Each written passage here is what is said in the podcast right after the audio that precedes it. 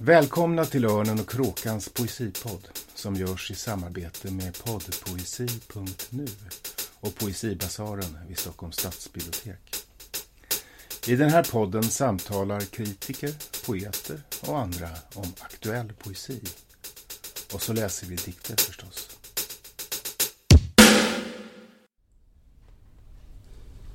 Gränssnittet Transsnittet går genom allt. Huvud, bröst, bål och kön. Kniven känns inte, men är alltid där och skär. Ljudlöst, blodlöst. Två halvor. Sårlösa, sömlösa. Och smärtan över halvheterna känns inte, men finns i allt är samhällelig, importerad från ögonen där ute. Välkomna till Örnen och Kråkans poesipodd. Jag heter Magnus William Olsson och den ni nyss hörde var Marisol M som läste sin dikt Gränssnittet på Söderköpings poesifestival som för allra första gången gick av stapeln i slutet av augusti i år. Det här avsnittet av podden ska handla om poesifestivaler. Ett fenomen som funnits ett tag. Kortare än man tror dock. Men som det senaste halvseklet, eller i alla fall de senaste tre, fyra decennierna, har haft en given plats i poesins offentlighet.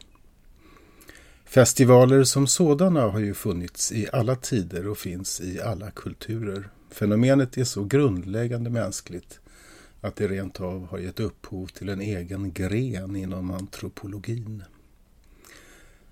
Men som så mycket annat i vår tid är festivalen också ett kommersiellt och, ska vi säga, pedagogiskt koncept.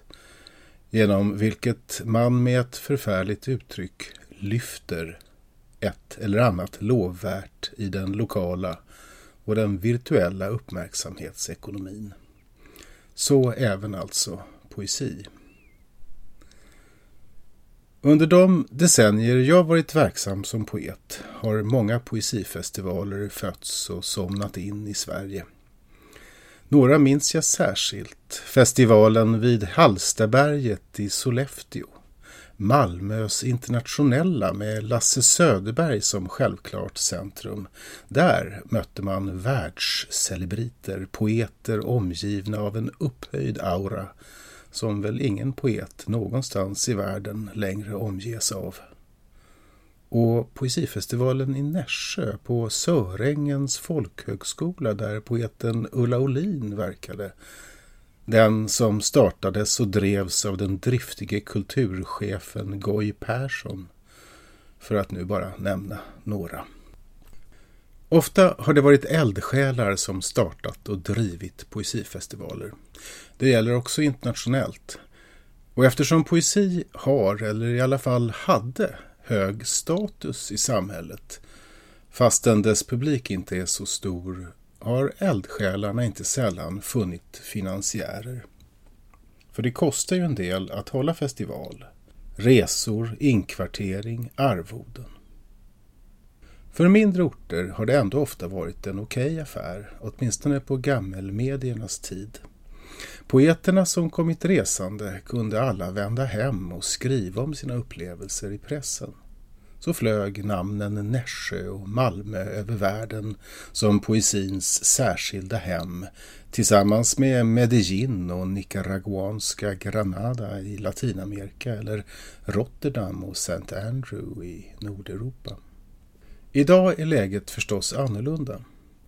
Poeter får som alla andra vända sig till sina sociala medier för att, helst i realtid, redogöra för sina festivaleskapader och där måste de, som alltid, balansera riskerna i självframställandet så att deras berättelser inte tolkas som jag-kapitalistisk självlansering. Titta, jag hör till de poeter som blir bjudna på festival. Social kontroll är ju som bekant den bärande principen för de multinationella företagens plattformsbundna offentlighet. Ja, digitaliseringen och de sociala medierna har omskapat offentligheten. Hur till exempel poesi finns till för oss och spelar roll i våra liv.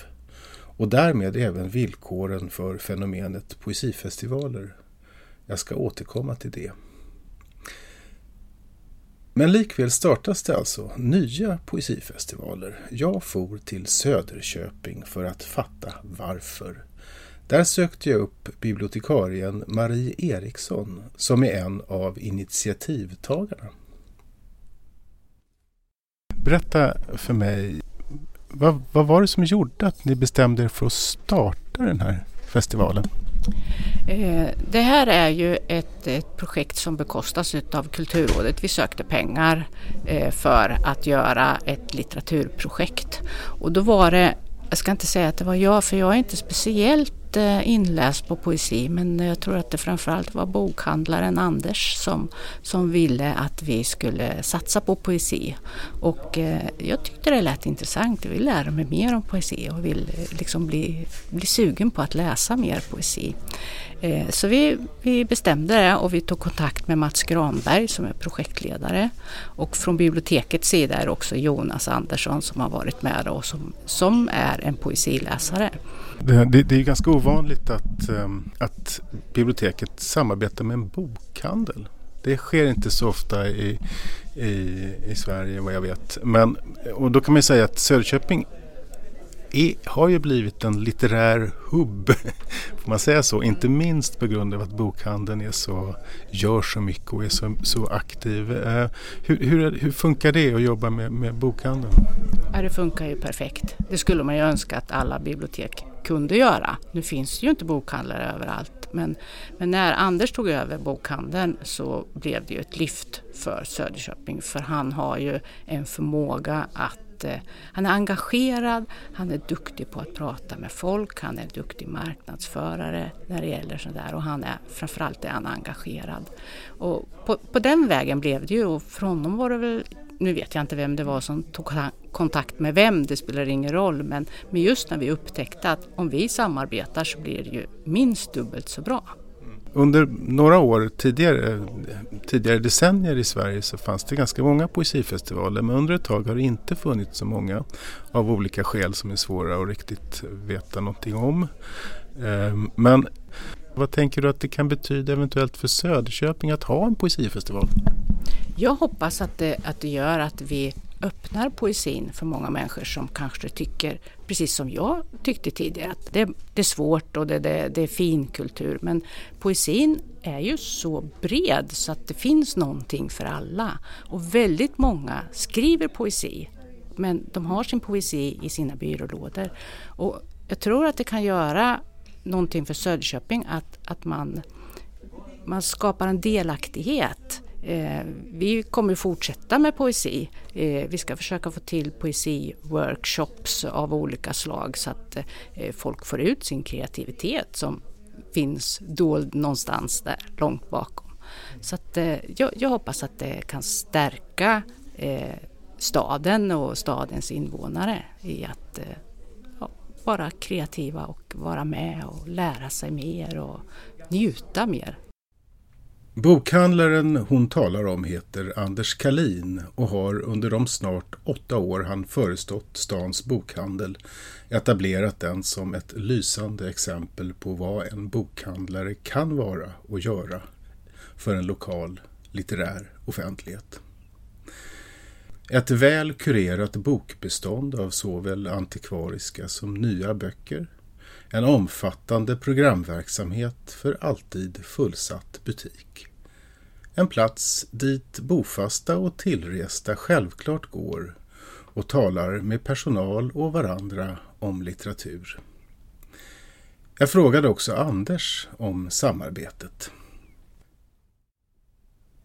I den här lilla staden Söderköping så är det Alltså det känns så naturligt. Det finns ju flera aktörer på ja, kulturaktörer och, och det är lätt att liksom få kon på varandra. Det är lätt att hitta hitta fram till varandra. Det är lätt att hitta samverkan och, och att samarbeta. Dessutom när vi tog över bokhandeln så fanns det redan ett etablerat sam samarbete, någonting som heter Bondens bokhylla som numera heter Söderköpings bokhylla. Det är en serie författarsamtal som äger rum under sommarhalvåret och som är väldigt välbesökta och uppskattade. Och ur det samarbetet så, så har det liksom, ja det har blivit mer. Vi, och för några år sedan så sökte vi också projektmedel från Kulturrådet som vi fick. Och det har liksom lett till ytterligare samarbete och samverkan. En upparbetad tradition av publika litteraturevenemang. Vana att samarbeta. Statliga och regionala bidrag. Och så eldsjälarna då. Det är tydligen vad som krävs. Och man måste säga att Söderköpings poesifestival lyckats. Pandemin tvang oss att förbeställa biljetter till programmen och likväl var det fullsatt. Också på mer udda programpunkter som presentationerna av de oförtjänt bortglömda och sedan länge bortgångna poeterna Axel Liffner och Petter Bergman. Festivalprogrammet rymde workshops, presentationer och öppen scen. Men framförallt förstås inbjudna poeter. Och musik. Pianisten Kristine Scholz och poeten Helga Krok hade skapat festivalens kanske formellt ambitiösaste program kring dikter ur poetens nya diktsamling Flod, blad, klänningar.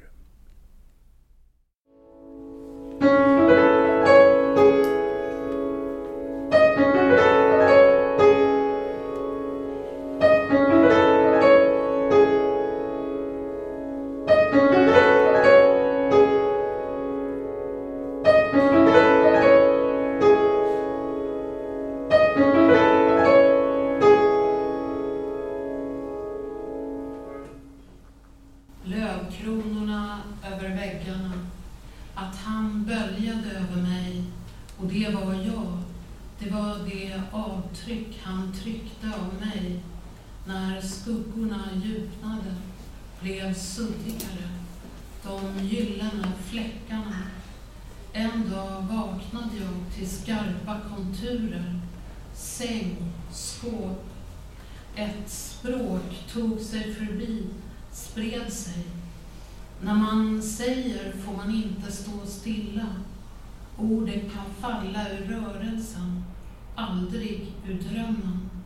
Om jag springer väldigt snabbt genom den här staden, om jag skyndar mig att inte tala, om jag springer snabbare än språket, om jag skickar tillbaka det dit jag kommer ifrån. Ljudillustrationen här, upptagen direkt i salongen, är en teaser. Hela konserten ligger för lyssning gratis och i en professionell inspelning på radioart.se. Radioart.se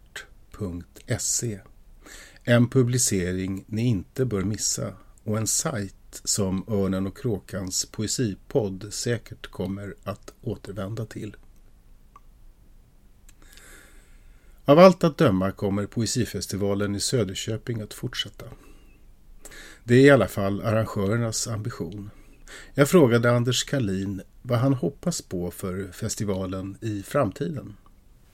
Om det nu den här festivalen fortsätter och kanske blir varje år. Mm. Vad, vad tänker du att festivalen kommer vara om fem år? Oj, vad svårt.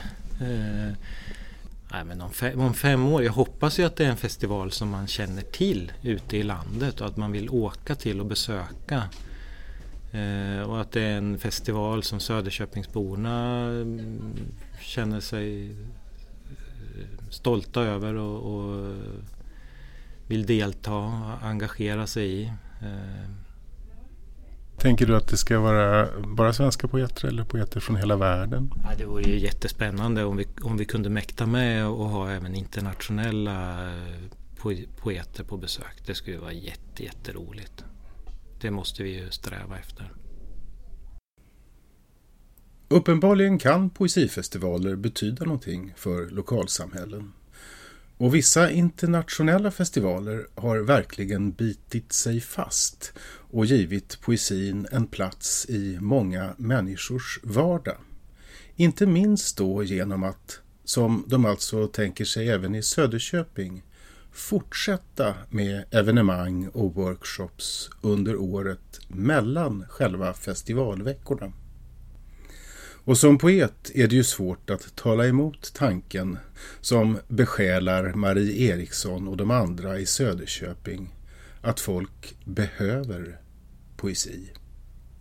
Men poesin behöver också folk. Fenomenet litteratur och poesifestivaler är inte så gammalt och deras popularitet sammanfaller med att litteraturen fått allt hårdare konkurrens om publikens uppmärksamhet från andra medier. För några år sedan skrev den då 80-årige brittiske författaren David Lodge en fin artikel i Financial Times om litteraturfestivalernas utveckling. 1960, skriver han, när jag debuterade fanns det bara en litteraturfestival i Storbritannien. Den i Cheltenham grundad 1949. 76 år senare, då Lodge skrev sin artikel, hölls drygt 350 litteraturfestivaler årligen i Storbritannien och Irland. Utvecklingen speglar förstås de förändrade villkor som råder för oss som läser, skriver, förlägger, förmedlar och säljer litteratur. De mediala alternativen till att sätta sig och läsa en bok är år 2021 skrämmande många fler än de var 1960 och långt ifrån alltid sämre. För att en enskild bok ska vinna publikens uppmärksamhet i vår tid krävs idogt träget fotarbete. Antingen betalar man någon för att marknadsföra eller så kuskar man själv runt i jakt på möten med publiken där man kan försöka övertyga om sina alsters kvaliteter. I takt med att bokproduktionen blivit allt mer decentraliserad och dessutom ökat kvantitativt har behovet av marknadsplatser vuxit. Där producenter, författare och förläggare som i självpubliceringens era inte sällan är typ en och samma person kan möta publiken. Vid sidan av litteraturfestivalen har därför litteraturmässan blivit ett vinnande koncept. Lokala litteraturmässor växer som svampar ur den svenska myllan. Administrativt skiljer de sig från festivaler på så vis att utställarna själva får stå för fiolerna.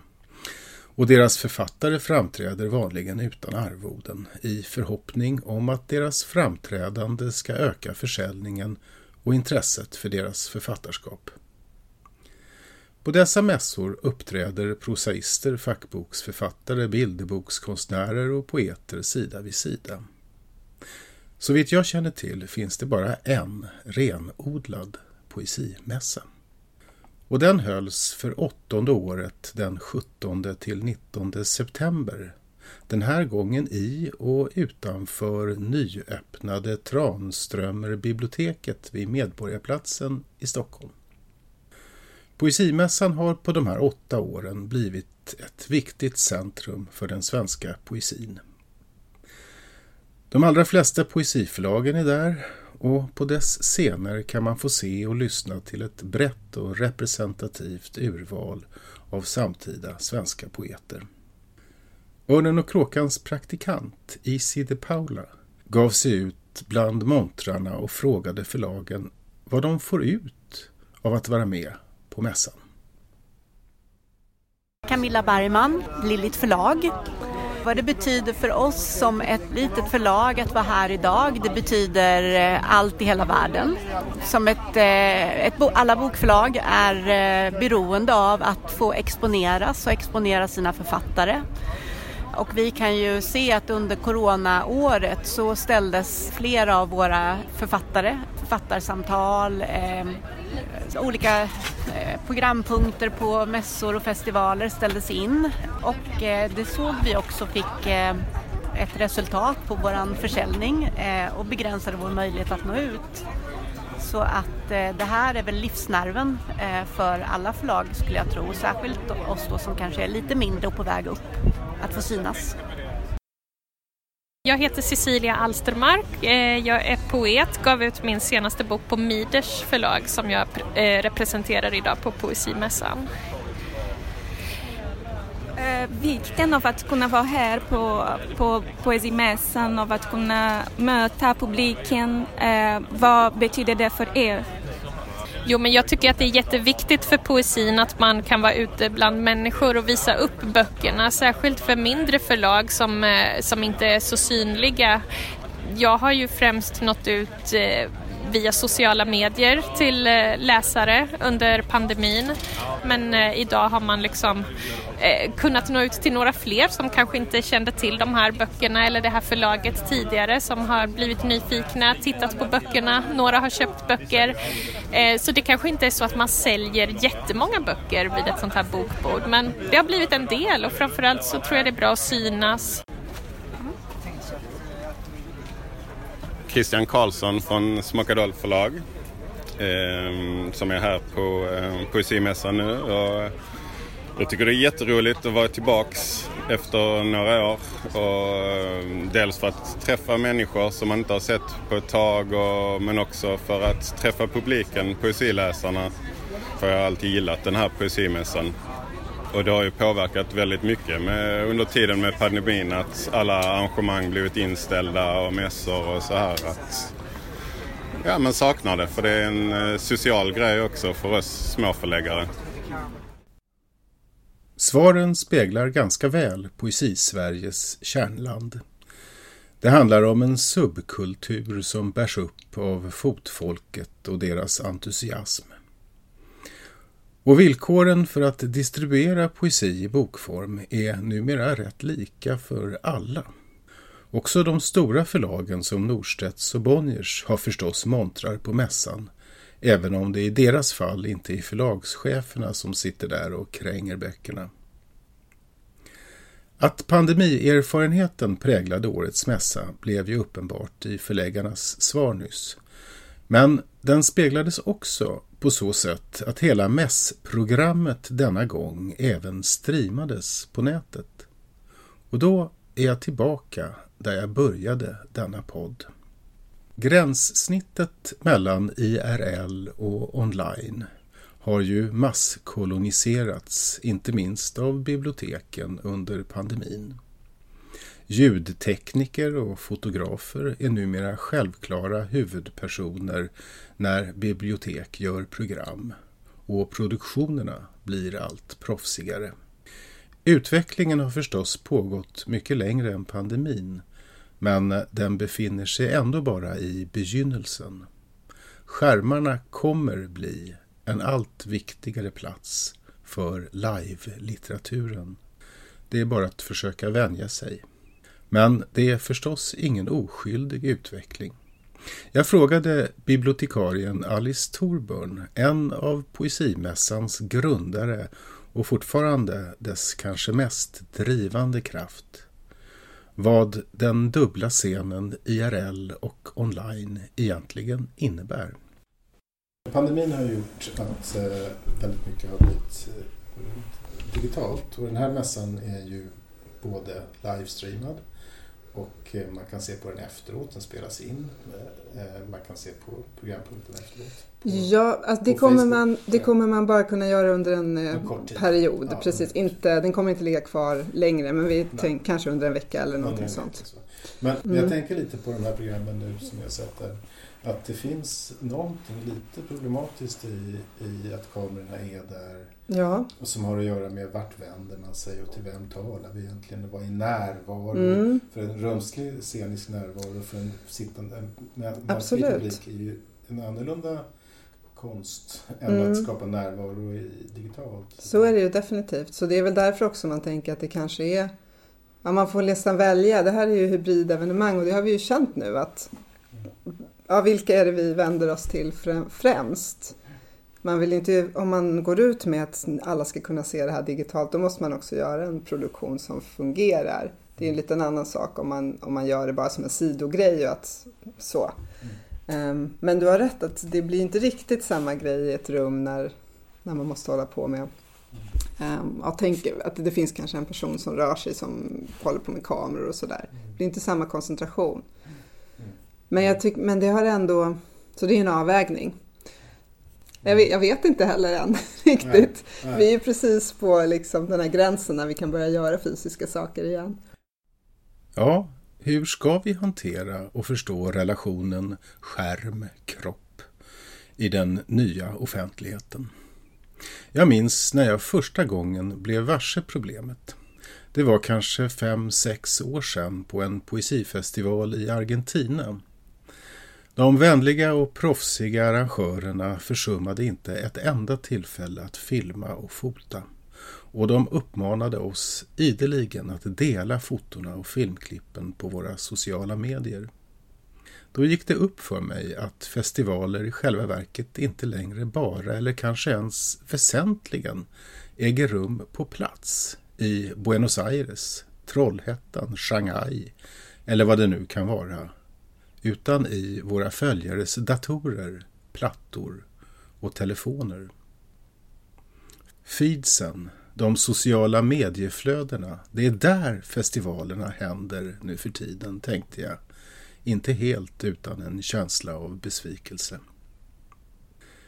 Den här dubbla platsigheten är inte bara medial eller teknisk. Den går mycket djupare i oss. Ja, den har i själva verket grundligt ändrat våra sätt att vara och befinna oss i världen. Jag har ibland tänkt på och skrivit om denna dubbla eller ambivalenta belägenhet i termer av grekiskans två platsbegrepp, topos och chora, som engelskan fyndigt översätter med place och space.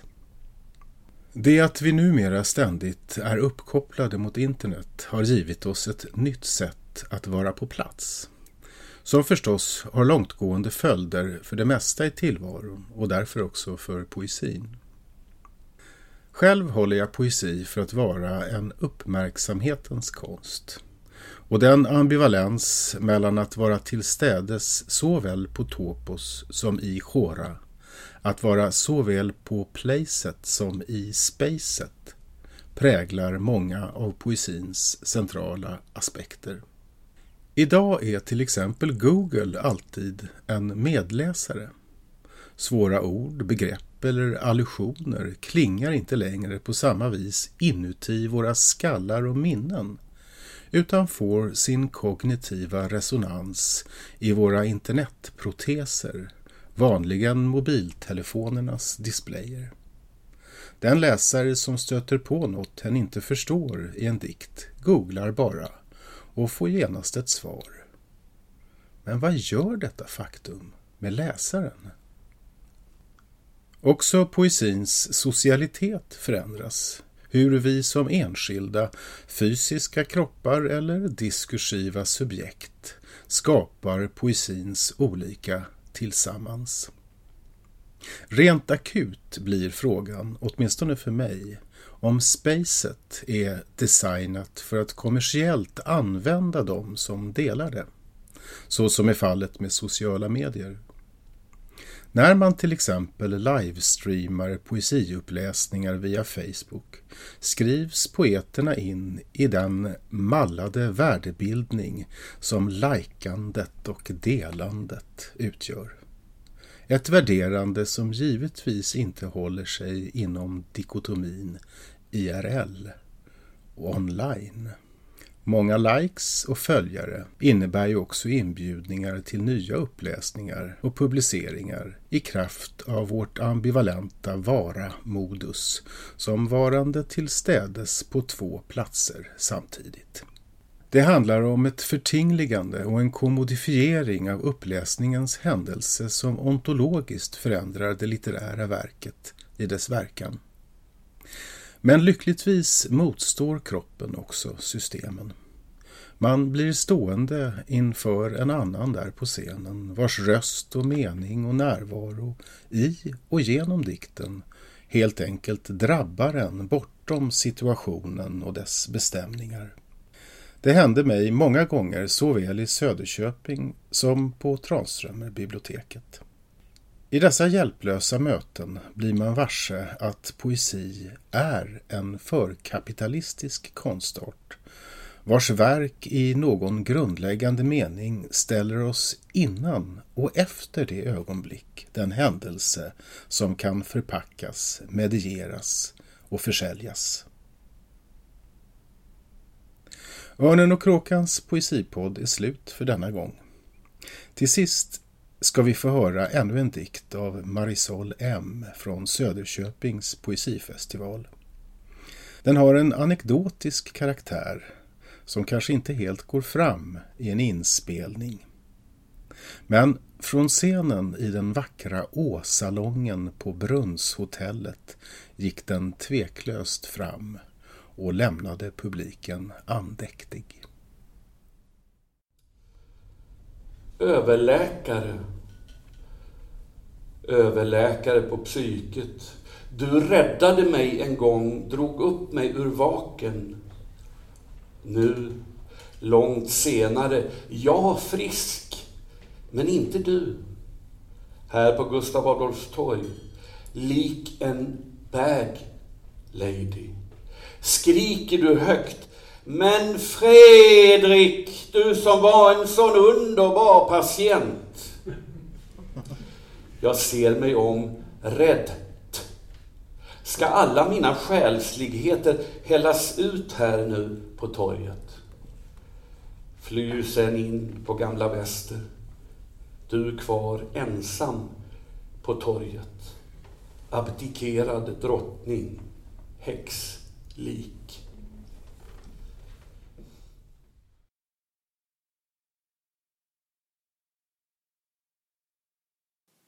Du har lyssnat till Örnen och kråkans poesipodd. Läs mycket mer om aktuell poesi på ornenochkrakan.se